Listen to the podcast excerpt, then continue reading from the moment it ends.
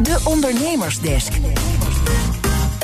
Bij het lanceren van een nieuwe dienst of product is timing essentieel. Connor Clerks zoekt vandaag uit hoe je dat dan het beste aanpakt. Mijn oog viel deze week op een opmerkelijk bericht in NRC Handelsblad.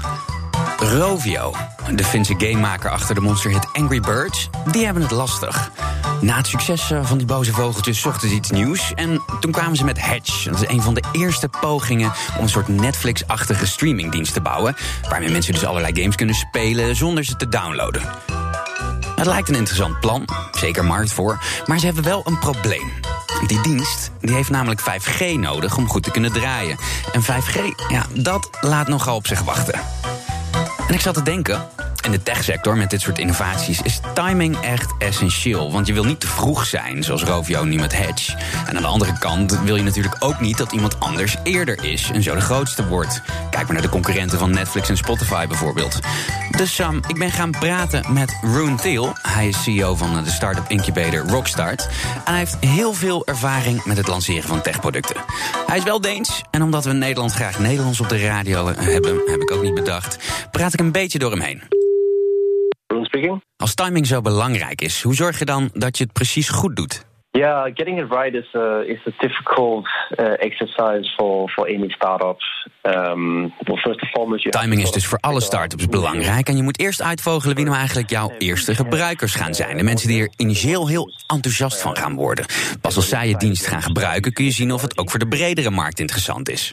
En dit is volgens Rune iets wat best wel vaak gebeurt. Um, we've seen several startups that have recognized that certain segment Ze hebben bij Rockstart meerdere start-ups gezien waarbij de uitgerolde technologie niet zo snel werd omarmd als ze hadden gehoopt in het begin. En dan moet er dus een pivot komen, zoals ze dat noemen, naar een ander soort businessmodel. Goed voorbeeld is 3D Hubs, dus een, eh, een 3D-printerbedrijf eigenlijk, die zich oorspronkelijk richtte op hobbyisten. Maar het bleek toch dat die technologie niet echt ver genoeg was voor de consumenten.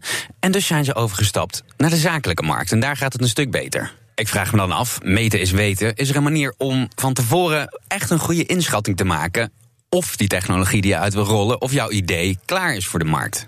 I think that's that's what most startups fail uh, or succeed on, right? It's uh, exactly getting it right when the adoption. De meeste start-ups gaan daar dus prat op, maar als de timing perfect is, kun je succes hebben. Maar er zit wel een, zeker een geluksfactor bij. Maar wat doe je nou als jouw oplossing eigenlijk te vroeg komt voor het probleem?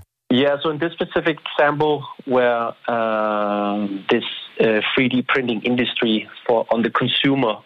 uh, In het geval van een didn't go 3D-printbedrijf fast. maakt dus dus een pivot naar de B2B-markt. En daar is de technologie veel verder ontwikkeld. High-tech bedrijven werken er bijvoorbeeld mee. Um, and there you'll be able to find a customer segment who really use it as part of their core uh, proposition.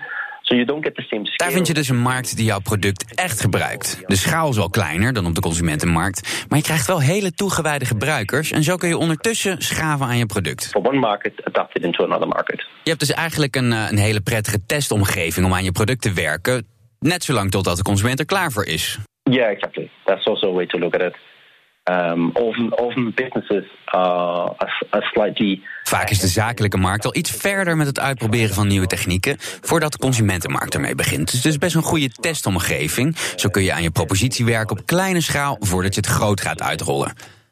Terug naar Rovio en de gaming Netflix. Je wil toch als eerste zijn. Hoe pak je dat aan? you can be first in a specific niche. You can be first in a specific geography.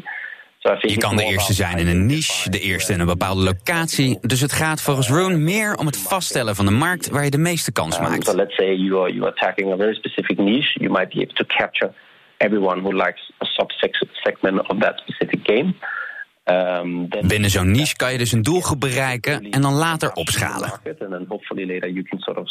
Maar precies de juiste spot vinden, dat blijft lastig. Um, but hitting it sort of a home run with a broad adoption from the first go, I also think it's quite unusual for most startups to go for that. Uh, it's very difficult to get right.